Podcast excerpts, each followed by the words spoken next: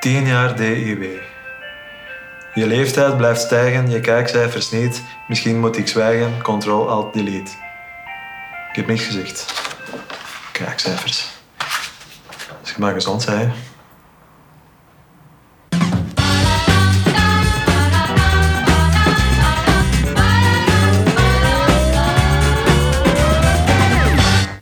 Ideale wereld bestaat tien jaar en in plaats van dat op gepaste wijze te vieren, hebben we besloten er deze podcast over te maken. Ik ben Lieselot Boens en in DW Jubilee praat ik tien weken lang met mensen die de voorbije jaren deel hebben uitgemaakt van de Ideale Wereldredactie. We zitten in onze televisiestudio in Vilvoorde in oude leren zetels en met we bedoel ik Jonas Gernaert, Jan Dirkses en Tom Borremans. Dat is mooi. Aan de hand van een enorme voorraad aan anekdotes, analyses en een gigantische hoop flauwekul zetten we samen een nauwelijks waarneembare stap richting ideale podcast. Welkom dus bij DW Jubilee en welkom ook Jonas, Jan en Tom. Dank u wel. Dank u. Hoe gaat het met jullie? Goed. Goed. Goed, totaal niet zenuwachtig. Goed voorgesprek gehad. Ja. Het grappigste zat wellicht voor de Oh. podcast. hè. Je had er moeten bij zijn. Je had er moeten bij zijn, ja. ja. Misschien voordat we er echt aan beginnen, een kleine voorstellingsronde. Ehm, wie ben je? Hè? Ehm, hoe, hoe lang heb je hier voor de ideale wereld gewerkt of werk je al? En wat moest je precies doen? Jonas. Eh, ik ben Jonas Scheirnaert. Ik ben begonnen bij de Ideale Wereld in het eerste seizoen. Eh, en ik heb er eigenlijk maar één jaar fulltime gewerkt, maar het voelde al 60 jaar. en nadien ben ik nog af en toe bijzetter geweest tijdens de uitzending voor een aantal jaren. Ik weet niet meer, zie Wikipedia. Ja. Oké. Jan? Ik werk al vier jaar voor de ideale wereld, maar het voelt als een week. Eh, eh, vier seizoenen, eindredactie en daarvoor ook af en toe stage of inspringen. Dus dan ken ik het al een beetje. En dat is het eigenlijk. Oké. Tom? Ik ben Tom Bormels. Ik ben eh, maker van Sociaal Incapabele Michiel. En ik werk hier... Dat is mijn achtste jaar nu. Van 2015, voorjaar. Dus ik heb alles zien veranderen. Alles de vuilbak in. Alles. We hebben voor deze podcast verhalen verzameld van mensen die op de een of andere manier aan dit programma hebben meegewerkt. En die komen er doorheen de aflevering af en toe tussen. En de eerste is onze graficus Cas van Nieuwenhuizen. Ah ja.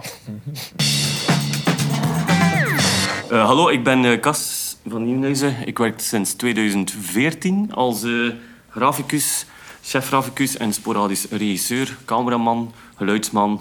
Ik ben ook de enige die weet hoe dat de printer werkt. Ehm, in het begin was ik ook de vaste Twitter-tegelbakker. Een klein trade secret dat ik ga meegeven, dat was gewoon een stickerke op een witte tegel van de Brico.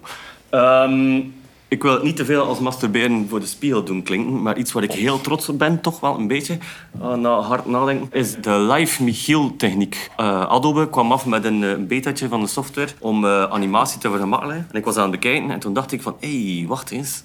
Ik zoom wat in in het scherm en ik pas het wat aan. Dus kunnen we dat eigenlijk real-time gebruiken. En zo hebben we Sociaal Incapabele Michiel live in de studio kunnen brengen. Dat was nogal redelijk DIY-rommelig toestand. Maar eh, een half jaar later deed de Daily Show dat. En eh, de Simpsons. Maar wij waren dus eerst. Applaus. Applaus. Eh, Sociaal Incapabele Michiel is live op televisie gebracht op een bepaald moment. En was daarmee de allereerste live animatie eerder dan de Simpsons. Ooit. En ooit. Het is een bescheiden pionier, die kas. Eh, nu, Tom Barmans, jij bent de geestelijke vader, want zo heet dat dan, van Sociaal Incapabele Michiel. Hoe en waar is die precies ontstaan? Die is ontstaan in mijn masterjaar op Sint-Lucas. Jij studeerde daar. Ik heb heel lang gestudeerd. Ik heb negen jaar gestudeerd. Uiteindelijk illustratie gaan doen. Eh, en dan zat ik in het vierde jaar. En ik wou eigenlijk mijn master niet meer doen, omdat ik eigenlijk niet goed genoeg was. De juryleden zeiden dat toch altijd op mijn jury, want je bent niet goed genoeg. ja. Dan moet er wel iets van aan zijn. Eh, maar die zei wel dat het, is, het is niet zo goed, maar is wel grappig. En wat studeerde jij? eh? Illustratie. Ah, oké, dus wel. Ja, ja. Oké, ja, ja. Ja, eh, en dan dacht ik, ja, weet je, ik ga misschien gewoon inderdaad mijn masterjaar doen. Want in je masterjaar moet je doen wat je wilt. En dan ben ik gewoon cartoons beginnen maken. En dan had ik... Ik kan niet per se zien om te animeren, maar ik had zien om een, een cartoon een beetje meer leven te geven of zo. En ik woonde toen samen bij een goede maat van mij. In Heubeuken, of all places. Eh, en ik was, dan zo, ik was gewoon aan het uitproberen op mijn computer.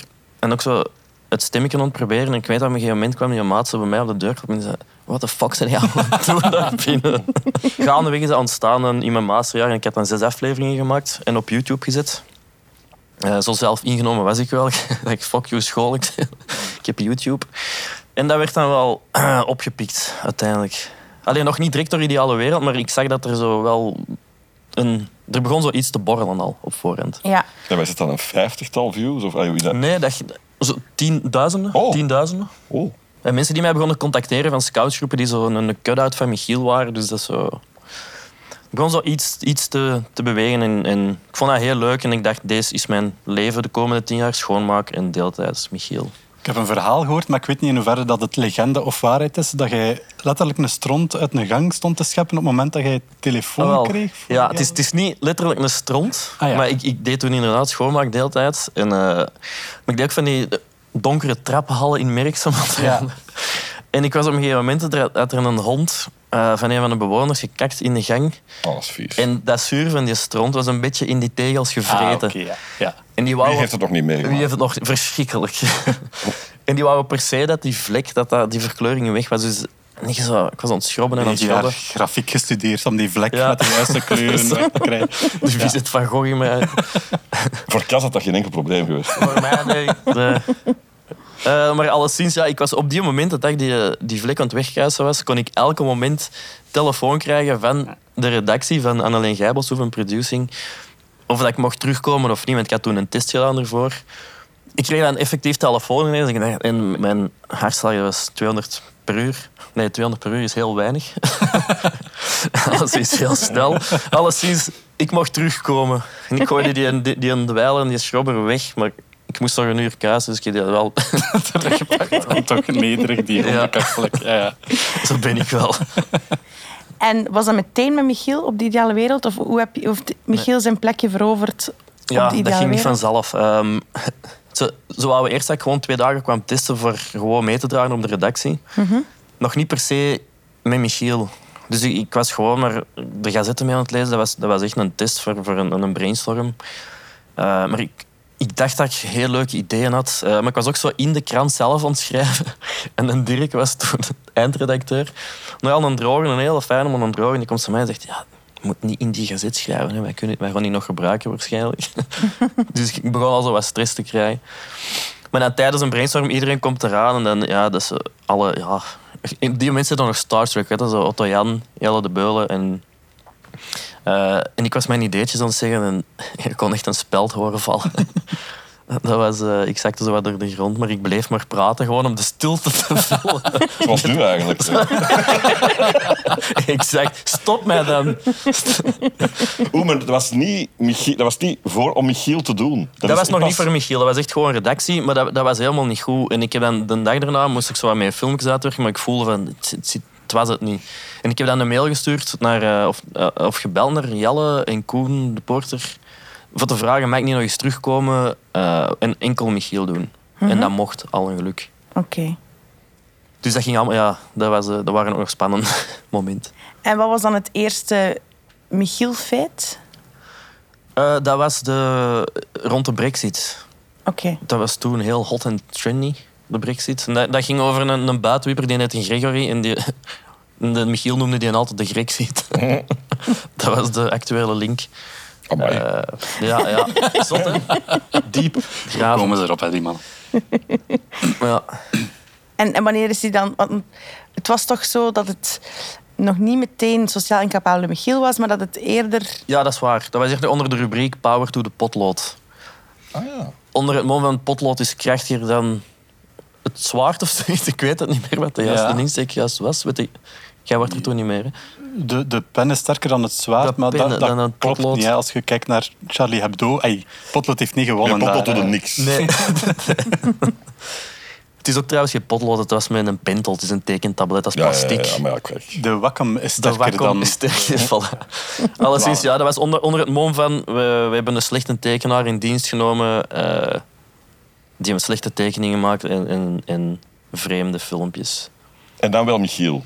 Wel met Michiel. Ja. Ja. Ja, Oké, Jonas, je hebt animatie gestudeerd. Ja. Mensen kennen natuurlijk eh Kabouter Wesley en ik denk ook Flatlife. Heb jij zelf ook animaties gemaakt voor de ideale wereld? Nee, want ik animeer niet graag. en ik, ik teken ook niet graag. Dus dat is echt de ideale combo om animatie te gaan studeren. Ja, niet omdat dat niet in mij opkwam, denk ik. Maar, maar, en dat is zo, zo fantastisch aan Michiel, is dat hey, animatie is eigenlijk een heel arbeidsintensief intensief proces. Ehm, maar als je dan een manier vindt om echt op de actua van de dag animatie te maken, dat is gewoon dat is zo fantastisch dat dat... Ja, dat, en uiteraard, ja, sociaal incapabel Michiel, no offense, maar dat is nu ook niet een Tintoretto-schilderij of Nee, zo. maar dat is ook hetgeen dat je zegt Ja. van ik animeer niet graag. Dat is super arbeidintensief. Ik heb Ja. dat ook. En daardoor ziet Michiel er ook zo uit. Dus Ja, ja, dat is heel efficiënt. Dat zijn drie tekeningen met een bewegend mondje. En dat is Ja, ja, ja, ja. Dus ik was eh, heel hard fan als hij voor het eerst zijn intrede deed in de ideale wereld. Omdat ook in, in animatie... Maar ja, je hebt het ook al gezegd, eigenlijk... Je kunt je daar veel in permitteren. Zeker als het zo wat harder of grover mag zijn. Ja. Een animatiefiguur geraakt met veel meer weg. Of een stripfiguur dan iemand die dat in een sketch zou poneren. Ja. Ehm, dus eh, ja, in dat opzicht was de ideale wereld denk ik voor Michiel de, perfecte biotoop om, eh, om in te gedijen en te groeien en, en noem maar op. En zeker ook ja, het, eh, het live in studio gegeven. Vond ik heel tof. Zeker de eerste keren merk je zo dat, dat de mensen zo ook niet goed weten Ja. Wat dat ze daarmee moeten aanpakken. Zo'n een animatiefiguur dat live in studio zo heel cassante dingen zegt Ja. en vraagt. Dat, dat sommigen wisten echt niet goed ja, wat dat ze daarmee mee moesten doen of hoe dat ze erop moesten Gasten waren reageren. vaak ongemakkelijk. Ja, ja, Klopt. Ja, het is nu met dat Kas dat nog eens zegt, maar ik had er totaal niet bij stilstaan dat dat moeilijk was. Hè. Om, zo, om dat, dat live te animeren. Ik denk omdat, er, omdat de computer zo... Ja. Omdat er, er is een soort, toch een animatierevolutie plaatsgevonden dat ik eigenlijk denk, ik- bij alles denk van ja, dat is toch simpel, maar dat Ja. is dus niet. Dat is relatief. Op zich is dat niet heel veel animaties. Het is meestal zo drie of vier houdingen. Dat is een knopje met elk zijn houding. Ja. En dan, als ik praat, duw ik dat mondje in. En, ik eh, vind dat eigenlijk schandalig van, dat wou ik zeggen, ik vind dat schandalig van mezelf dat je er altijd maar van uitgaat dat dat eigenlijk, dat, dat, ja, ja. Super gemakkelijk is. dat Ja, is het dus dat is een mooi inzicht van u, Jan. Dank u. Ik dat echt nu in de zeet. Ik weet wel, het, ik denk, het eerste film dat echt goed scoorde online was Hakken over de sloot. Dat is een heel stomme woordspeling, maar met dat beeld erop, Michiel die hakt over de sloot en die muziek eronder, Belle Perez remix. Werd, ik ben normaal niet zo voor woordspelingen, maar als je er goed over gaat en je pakt dat goed in, dan marcheert dat wel. En, Ja. En ik vind Michiel altijd beter als er een liedje in zit. Als ja, zo dat is waar. eindigt in een, eh, in een nummer. Ja, dat is, ja gelijk de dop erop. Dan dop erop bijvoorbeeld. vond ik... eh, De... Een idee van Bart trouwens, die liep er echt al een half jaar mee rond. Die Doe het eens, mij- doe het eens. Om dus mensen aan te moedigen om hun flessen beter toe te doen. Eh, dat, dat, Dat was de actua aanleiding. ja, De hoge energieprijzen en de gastoevoer. Die een, eh, Ja. maar daar zit er ook een soort kern van... Allee, dat is een nuttig lied, want het is Ja. om mensen aan te moedigen om een dop erop te, te Ja. zetten. En dan, kun, je- dan, dat, dan komt... De waanzin komt dan beter samen, vind ik, ja. in een nummer. Het is ook net zo... Alles Dat, moet een einde hebben. dat onderwerp van de energiecrisis is vaak niet echt hot. Of we kunnen weinig... Om de duur hebben we het wel gehad. Ja. En zorgen dat Ja, er wel vaak omheen en het toch kunnen behandelen of zo. Ja, ja, ja. En, en kwam daar heel veel reactie op? Niet per se over op, van de dop erop, maar in het algemeen? Ah, maar mogen we toch wel bij de dop erop wel, hè? De dop erop, elk film is mij over aangesproken. Veel credits aan Bert van Peer, maar het was echt zijn idee. Ehm je bedoelt in het algemeen? Ja, ja, ja. Michiel? Schrok je van de hoeveelheid reacties dat dat was? Of, of... Ja, ja, sowieso. Maar het ding is dat ik... Ja, dat, dat, dat eerste seizoen ging alles zo snel dat ik dat niet goed kon bevatten wat er allemaal gebeurde. En ik, ik, ik werd toen op een, cel, een montagecel. Ik zat alleen in een cel apart. Om de duur had ik door dat iedereen zo gezellig op de redactie zat. Dat had nu dat niet gezegd. Ja. Dat ik wist van niks, dus ja. Maar ik weet dat ik zo... Ja, dat, dat eerste jaar heb ik vrij veel zo interviews en zo gedaan, wat, ja, wat heel fijn was. Maar de redactie op Ideale Wereld is nogal een raar badje. En dus er kwam niemand zo naar mij en van... Hey, goed bezig of zo. Behalve Anneleen Gijbels heeft ooit eens één berichtje gestuurd van... Hey, goed gedaan. Voor laatste dag. Ja. Ja. De meeste van de redactie dachten dat Michiel in India gemaakt werd, omdat ze Ja, Tom nooit ah, wel, ja. Ja. Je dacht, er wie is hier raar? Er is een boterhamjes komt opeten. Ja. Ja. De kast die Je had zei... ook uw kuisten nu moeten uitdoen. Dan hadden we- De Kas die zei het net zo eh, poëtisch in een fragmentje dat hij niet te veel wou masturberen voor de spiegel. Ehm, Ik heb de fout gemaakt om mij dat te visualiseren. En Ik ben er de rest van de dag mee moeten leven. Vooral met de Kes en zijn- zijn snelle stem er ook bij. Ah, kom on, joh. Kom gast. Een beetje rader, niet? Ja, en ook dat hem het dingen van ik wil hier niet, te- niet te veel masturberen voor de spiegel, alsof dat, dat iets leuks is. Dat, ik denk dat niemand graag masturbeert voor de spiegel. Nee, dat is ook geen spreekwoord. Dat is Ik, niet, doe het, dat is- nog- ik doe het niet meer. maar dan brengt me dan wel bij de vraag, waar zijn jullie heel erg fier op? Is dat bij jullie niet zaten wijven? Was dat, Ja, was dat uw idee? Maar ik Of was dat, met- dat was, mijn- dat was mijn idee, maar dat was dan direct door Willem Leijs eh, eh, overgenomen. Ja, ja, maar dan nog die spel... Allee, Ja, ja, daar was ik fier mode mee op. Ja, ja, daar was ik fier op, ja. Voilà. Maar ik ben heel snel fier, hoor. Dat- Het is ook vier dat hem hier mag zitten. Is... ja, wel ja, bijvoorbeeld. Ja. Echt. Ik denk ook in het algemeen, als ik ook eh, als we mogen strelen... ehm, Wat hè? Heb je een spiegel nodig of gaat het zo? kleine, Jan, ik vind dat een fantastische Oh. eindredacteur. Dank je wel, zeg. Ja. Ja, nee, dat is wel echt. Ik vind Jan eh, doet dat heel goed. Ik heb er veel zien passeren, dus ik kan het weten. Niet dat ze... Shit, Jan waren ook goed. Maar er kan maar één winnaar zijn. Hè? En dat- nee, nee, Ja, nee. bij Jan Smorgens is gewoon zo de... De, de, de, de schwung zit er ook zo direct in. Ah ja, maar dat is... eh allee, als we elkaar dan toch aan het, eh, Sfeerbeheer. de spiegel... Ik hoor andere dingen, maar goed, dat Ja, ik nee, kom nee, maar eh, jij hoort dat je hoort het. hè. Je werkt hier ook al een tijdje. Ja, ja. Het is veranderd. Dus alles is veranderd hier.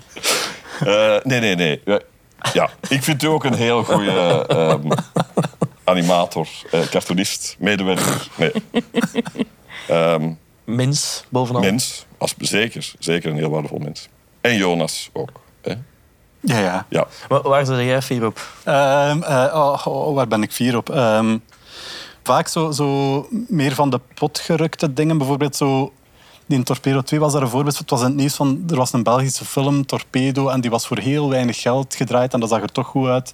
En dat was een insteek van de sketch van wij kunnen dat voor nog minder geld, voor 9,80 euro of zo, draaien. En dan zo een sketch eh, er rond gemaakt. Ehm, en vaak zo dingen die, die zo'n beetje meer van de pot gerukt waren. Zoals bijvoorbeeld, ik weet dat we een keer, ik weet zelfs niet meer welk seizoen of zo, maar er was een. Ik moest een live interventie doen vanuit Nederland, iets met de verkiezingen, denk ik. En ik stond eh, in, een ven, in een veld voor een molen. Maar er was er ook interactie met de studio. Dus Otto Jan kwam vanuit de studio de live reportage binnengelopen. En vice versa. En ik kwam dan vanuit de reportage terug in de studio. En het was heel verknipt, maar achteraf waren er mensen aan het zeggen van ik weet niet hoe dat je het gedaan hebt, omdat het zo verwarrend was. Maar het klopt wel allemaal. En dat is, zo, dat is leuk als je het zo ehm, een beetje meta trekt en een draai geeft, maar dan zo zes stappen te ver gaan. Totdat het eigenlijk niet echt meer grappig is en weer grappig wordt. Zo dat soort ideeën. eh, vaak met een flinterdunne aanleiding om iets te kunnen doen. Ehm, dat zijn vaak de, de, de leukste dingen. Ja. En vaak is het zo... Ja, je zegt... Een, een idee is vaak belangrijker dan de aanleiding. Ik weet dat op een gegeven moment zijn ze dat wel wat beginnen corrigeren, maar wij alleen maar divers sketchjes aan het maken waren. Dat er ook echt wat harde actualiteit in moest, zeker in het eerste deel van het programma. Maar vaak, ja, als iemand een heel tof idee had voor zo'n artikelken op pagina 48 van het Belang van Limburg, was al genoeg van, van doe maar als het idee goed genoeg is en het is geestig, dan gaan we dat maken. En dat is gewoon heel, dat is een ongelooflijk toffe speeltuin om eh, in te kunnen werken. Ja. Oké, oké. Wat waren de hoogtepunten van Michiel? Ehm, ja, één ding dat er sowieso uitspringt is de, ja, alle Pukkelpop-optredens en eh, de AB-shows uiteraard. Maar de, ik denk één specifiek is de eerste show in een AB. Dat was eh, de, kerst, de kerstspecial. De DUW kerstsoirée was dat toen, Ja. denk. Ja. Eh, en ik moest dan het kerstverhaal brengen met Michiel. Allee, het, het, het verhaal van Jezus, de geboorte van Jezus. Eh, maar er werd op een gegeven moment een gigantische vagina op het podium gerold. En Belle Perez, die was toen als engel verkleed en die, die zong toen Allegria, een heel mooi nummer. Samen met allemaal engeltjes die aan het dansen waren. Dan is er maar één woord, trots. Trots, echt, ja. En, en Ian Thomas was er ook, dat was ook een engel. De bedoeling was dat hij boven de grond zou zweven en vliegen, maar die mocht van de verzekering AB maar een meter hoog zweven in zo'n in zo'n harnas. Dat heel hard spannen, want die was heel, heel vaak aan het roepen, zo, ah, wauw, wanneer is het gedaan? Ehm, maar alles, alleszins, ik kwam, ja, ik kwam toen uit die vagina gekropen tijdens dat nummer en ik was terwijl ook aan het denken van, hoezo ben ik, ben ik hier beland? En toch een hoogtepunt. Ja, in de, in de goede zin van... Ja, Van de Beter dan dit wordt van een donkere trap krabben naar een gigantische vagina, terwijl dat Belleveres alle grieën zingt en Ian Thomas een meter. Titel van de autobiografie. Ja,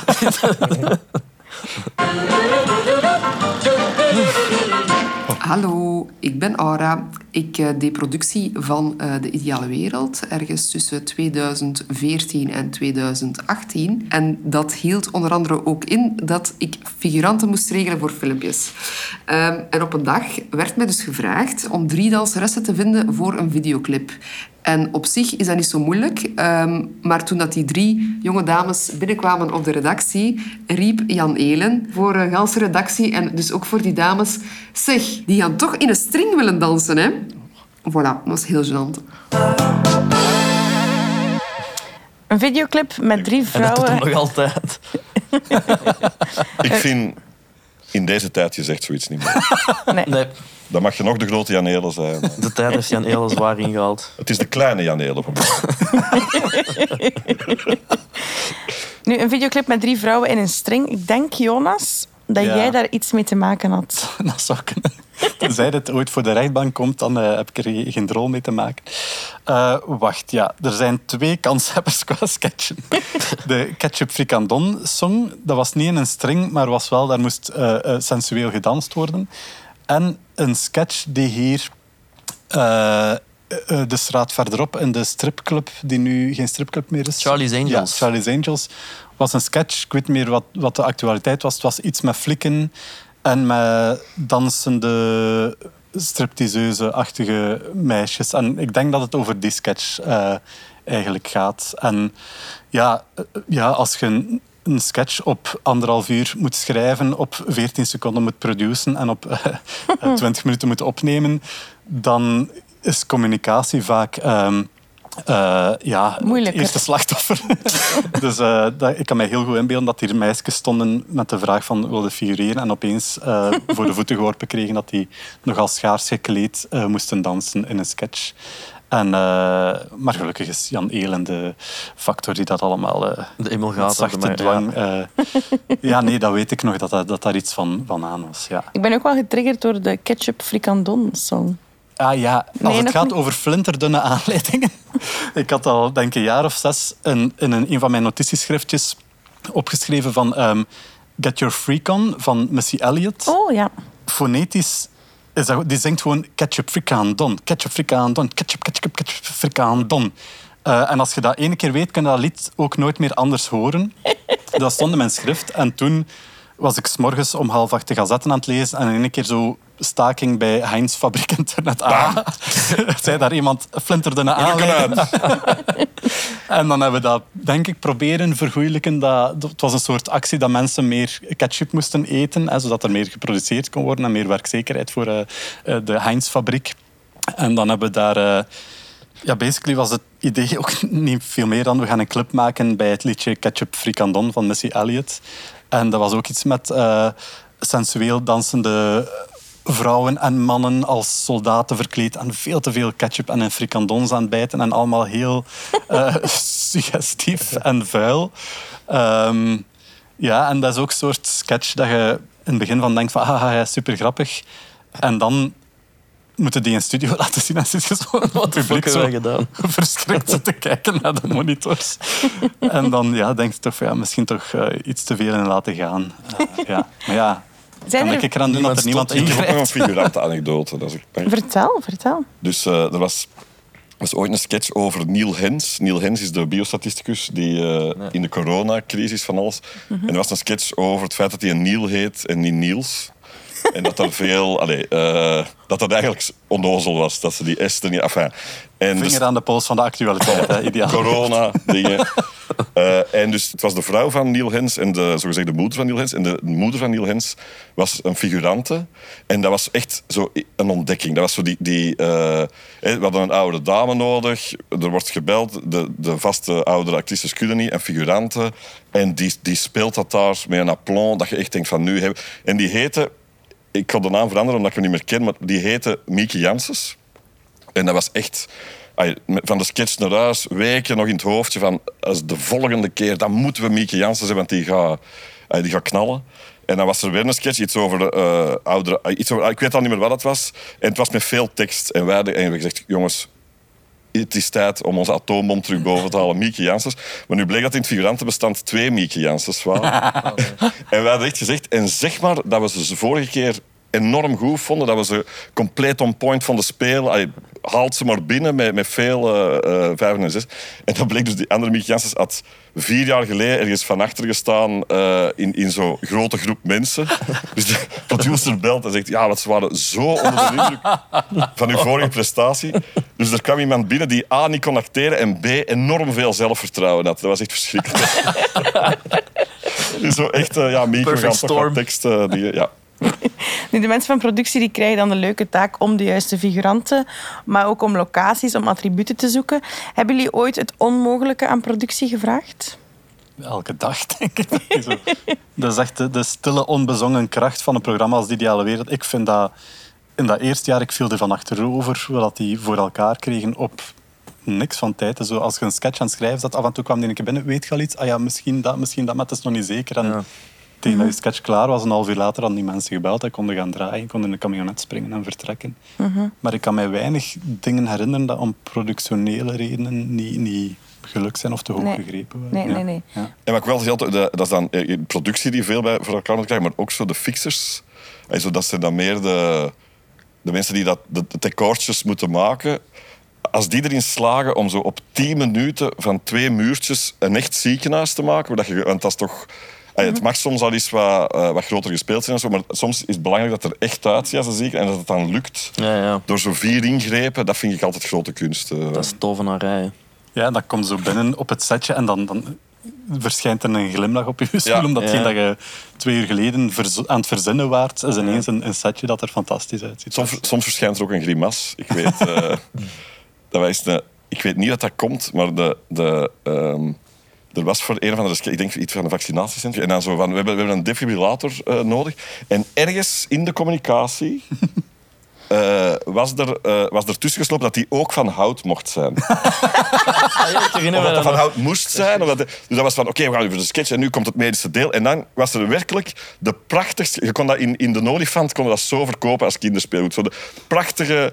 eh, eh, basic Fisher Price-achtige houten defibrillator. Dat er, de- en dan is het heel moeilijk om realistisch te spelen. Zo met twee houten. Dus, dus, ja. Als er ook één ding is dat je gewoon kunt regelen, is het een Ah, defibrillator. wel, ja, dus dat was toen. Dat was daarna. Dus daarmee dat het was, het er was, er was echt wel iemand die. eh, dat is dat, ja, dan op het, echt wel iemand die. Het moet van hout zijn. Hoe dat, dat er tussen is geraakt, dat, dat kan gebeuren. Dat kan gebeuren. Jan, je bent eindredacteur van De Ideale Wereld. Ik heb aan twee van je voorgangers gevraagd hoe het is om die job uit te voeren. Dat was Steve Verhagen en ook Dirk van den Hout. Ja.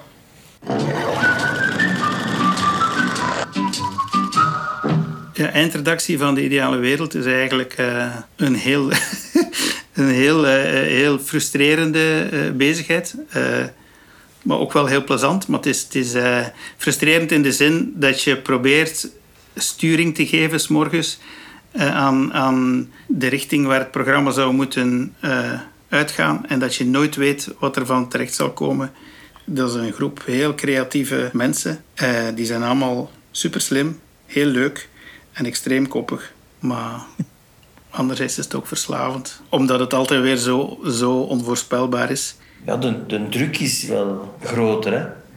Weet je, elke keer als je zegt, oeh, wij maken iets grappig, ja, dan stel je je bloot en dan, dan weet je dat je daarop kunt afgerekend worden. Het voordeel dan weer van een dagelijks programma, je hebt iets slecht, weet het de volgende dag doen we iets nieuws en hopelijk zit daar wel iets goed tussen. Dus dat is dan weer het goede. Nee, ik denk de belangrijkste taak was het aantal, eh, de hoeveelheid pipi, kaka, eh, ja, alle seks, eh, dingen en zo, dat doseren. Dat was eigenlijk de, de schunnigheden doseren. En laat dat nu net mijn core business zijn. Ja. Ja, maar ik weet dat Dirk dat heel vaak zei, van er moet meer pipi, meer kaka, meer schunnigheden. Die was dat constant aan het doseren. Ja, gaat niet meer. Ik, ik was leeg, ik was op. Ja. Nee, het is allemaal waar wat ze zeggen. Is dat nog altijd doseren? Soms wel, maar heel vaak tegen uw eigen hand, want ik hou ook van kakapipi en seks. Dus dat, dat, maar dat is iets dat je in doog moet houden. Ja. Maar voor, Wat is het moeilijkste aan de job? het moeilijkste aan de job zijn volgens mij de slechte dagen. Dat niemand... eh, Als er, het moment dat er s'morgens op de, op de ochtend brainstorm, dat je zo wel weet van er, er, er gaan, er gaan twee dingen de goede kant uit en, en één ding gaat nog, allee, zal er ook wel geraken. Maar dan, er zijn ook slechte dagen dat er, dat er, dat er bijvoorbeeld, of dat er na, na twee uur plotseling, dat, dat er na de brainstorm twee uur later plotseling niks meer is. Dat, Ja. dat kan zo.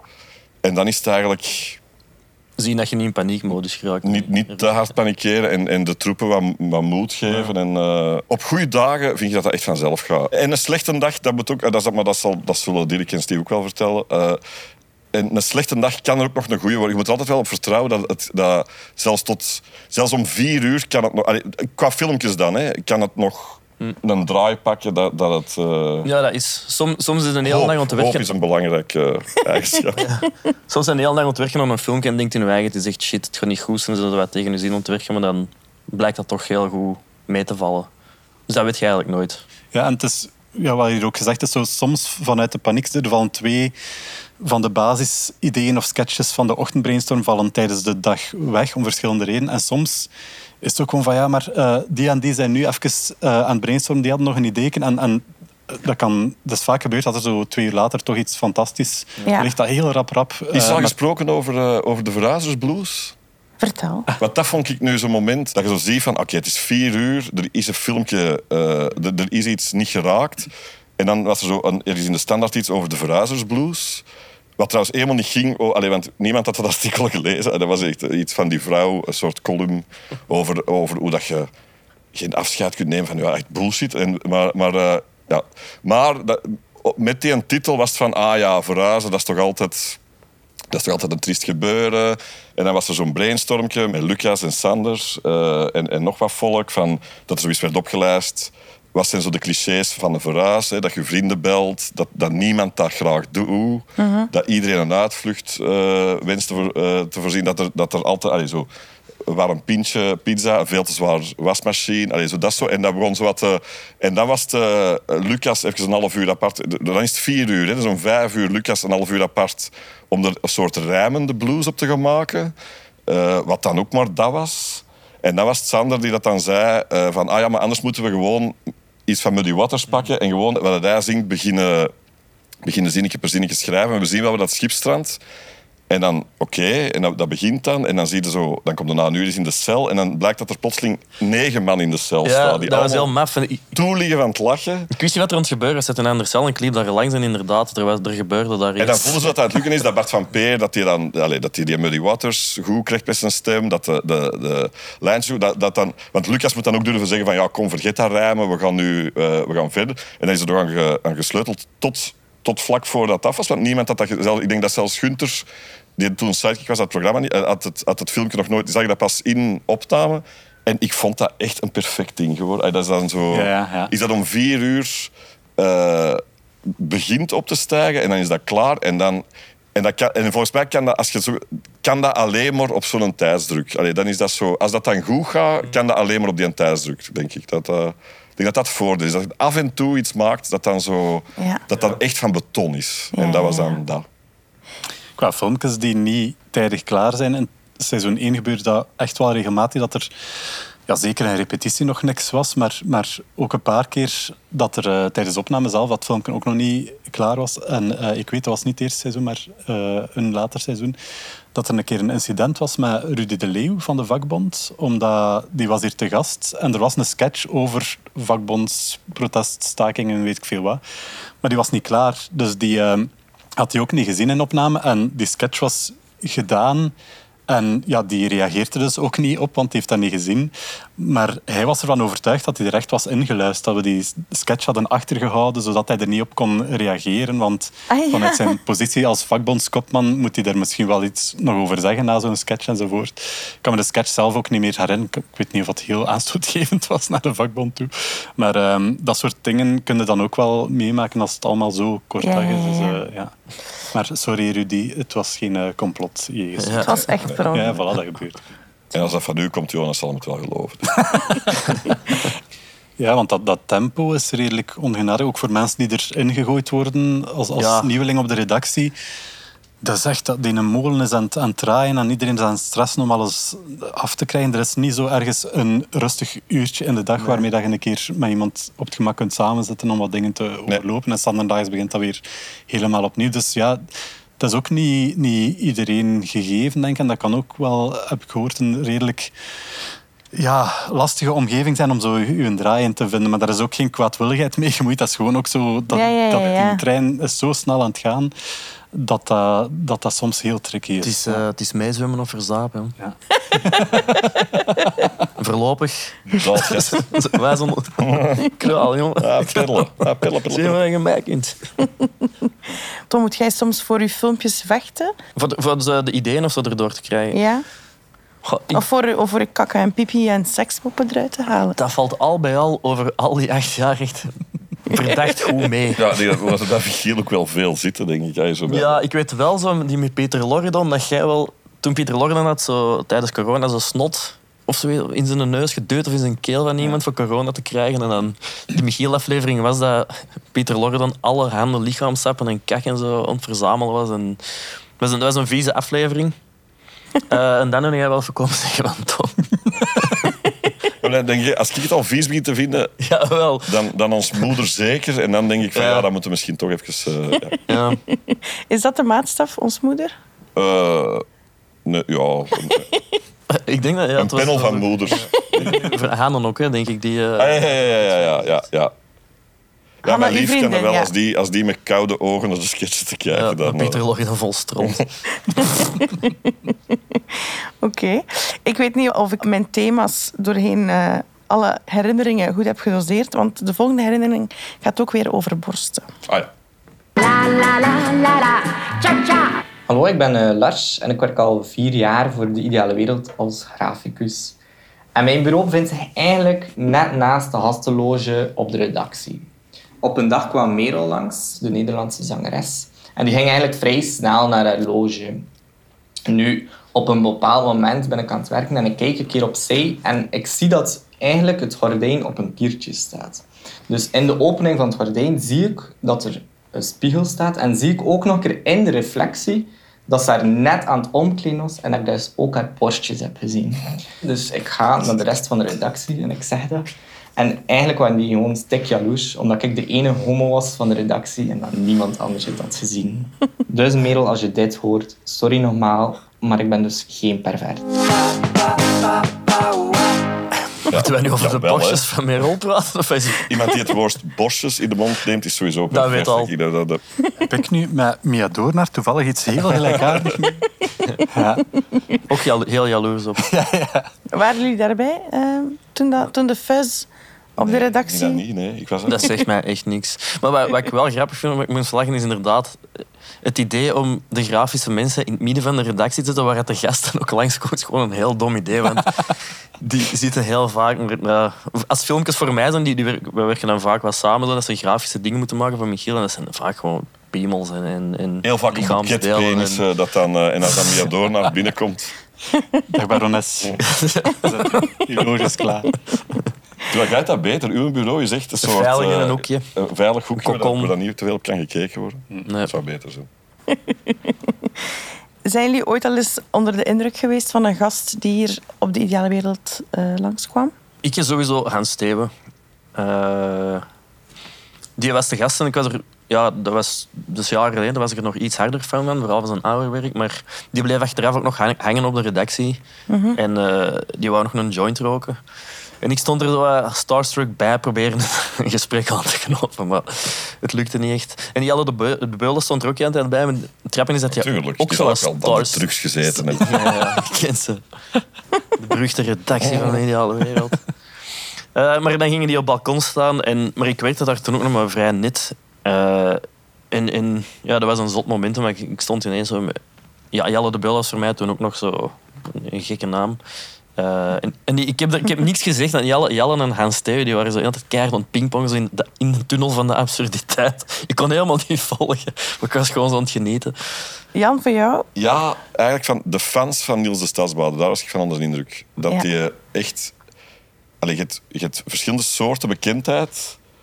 En, en dan, die Niels heeft echt 22 man mee die, die gewoon ergens eh, gehoord hebben dat... eh, heel die studio zit al vol met fans en dan zit er daar voor de deur nog dat je denkt van, amai, dat is ook een leven. Eh, Ja.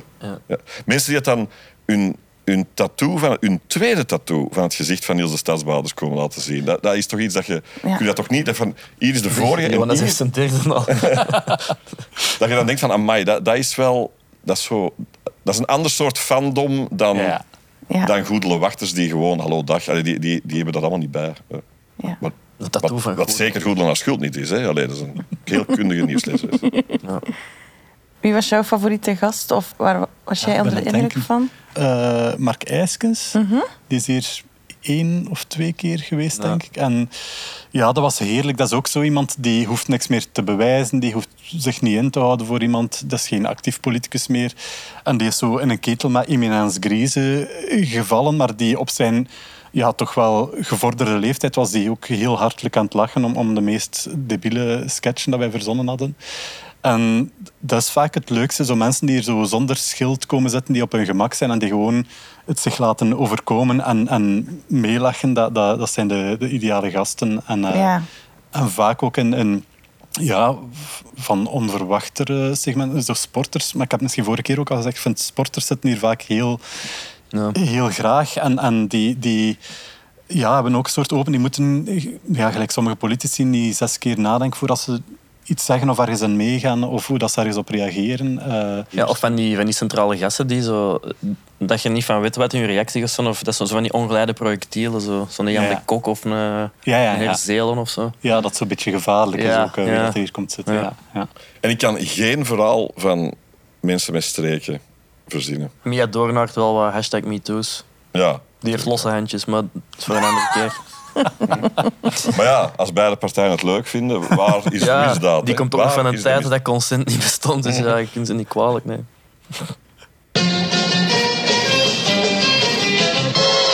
Ik ben Johan Sebastiaan Stuur en ik werk bij De Ideale Wereld. 20 januari 2022. We hebben de beroemde zangeres Merel te gast. Er hangt een bepaalde sfeer op de redactie. Merel is in de loge om een hapje te eten en zich om te kleden. Blijkbaar heeft ze daarbij de deur op een kier laten staan, want even later gonst het gerucht dat Lars van Grafiek een glimp van Merels naakte bovenlichaam heeft opgevangen. Mijn wereld stort in. Zou ik deze gemiste kans ooit te boven komen? Waarschijnlijk niet. Lars had Merels tieten gezien, terwijl de meesten van ons al blij waren geweest met een handtekening. Zelf blijft Lars er opvallend rustig onder. Behalve een uitstekend graficus is Lars homoseksueel. Zo kan ik het ook. Ik zal je iets vertellen. Mijn, mijn dochters, ik ben ooit met mijn dochters van 11 en 12 naar een Merel-concert Ja. eh, geweest in de Roma als begeleider. en mijn dochters wilden dus eh, vooraan gaan staan, waar de meeste... Allee, het, was, het was een heel vrouwelijk publiek. Heel veel 11, 12 in de, wat, uit de moshpit. eh. en ik dacht als papa... 11, 12 is wat jong om helemaal van achter te gaan staan. Dus ik stond mee in het eh, dingen. En dan het lied Hou je bek en bef me. Qua ongemak. Allemaal 14-jarigen, mijn eigen kinderen erbij. En dan zo wat mee. Meezingen, dat deed Jan. Ay, dat, dat was mijn gênante wereldmomentje. eh. Seconden voor hij door security werd meegenomen. Een Zo, hè, ondervragingskamer. zo hè. Altijd bereid. Ook zo, die andere ouders wisten dat voorhand, doordat die ander alleen stond als ouder. Oh my god. De enige oude man tussen de bef, kindjes. Enfin. Voilà, we zitten aan het einde. Dankjewel voor jullie tijd, Jonas Schijnaert, Jan Dirkses en Tom Borremans. Eh, we gaan er trouwens voor zorgen dat de clips en de verhalen waar jullie het over gehad hebben, zoveel mogelijk op YouTube, op VRT Max terugkomen. Graag. Hebben jullie nog een laatste boodschap aan de luisteraar of de kijker? Want via VRT Max kan je ook kijken. Ehm, VRT Max heeft een uitstekend eh, aanbod ook voor kleuter- en peuterprogramma's. Voilà. Zoals eh, Bing, eh, Stoppeltje, George en Paul. Te veel om op te noemen. Mijn laatste dag. Dat wist ik niet. Merci voor de tip. Graag gedaan. Voilà. Jullie nog iets aan toevoegen? Moet het iets zijn over, over het programma of gewoon in het mag. algemeen? Misschien, ah ja, dat kan. Ik Alles heb, mag. ik heb eergisteren een droom gehad eh, over Jacques Vermeijren. die voor mij een liedje zong. Eh, en ik herinner mij enkel de laatste zin en dat, is, dat was... eh, Leun niet in uw talenten. Ik vond dat een hele mooie zin. Berust niet in uw talent, blijf groeien. Dank u, Jacques. Jacques Vermeijren is een soort orakel. En, eh, en, en iemand die de harde waarheden vertelt. eh. Ach. Als je een barbecue rooster hebt dat vuil is, dat echt aangekookt is, een van de dingen die je kan doen als het zomer is en je hebt een mierennest in de buurt, leg dat gewoon op dat mierennest en de mieren gaan eh, de etensresten eraf eh, proberen knagen. En ook met het zuur dat ze afscheiden, kunnen die grote delen van de aangekookte barbecue-resten eigenlijk eh, weghalen. En een nacht later... eh, terug ja, helemaal proper zal ik niet zeggen, maar dat gaat veel makkelijker zijn om het, eh, om het proper te krijgen. Als je een boek speelkaarten uit random schudt, Dat is dat de eerste keer in de wereldgeschiedenis dat die, dat die op die volgorde zal liggen. Godverdomme. alle virusdeeltjes van de COVID-pandemie sinds het begin van de pandemie, als je die allemaal samen zou leggen, dat is minder dan het volume van een pollepel. Maar enfin. Waar hebben we ons druk Hallo? over gemaakt? Eh, trouwens, daarover corona. De heb- vaccins werken niet. Zullen we daarop afsluiten? Pieter Loriton had gelijk. Eindelijk is gezegd worden. De waarheid.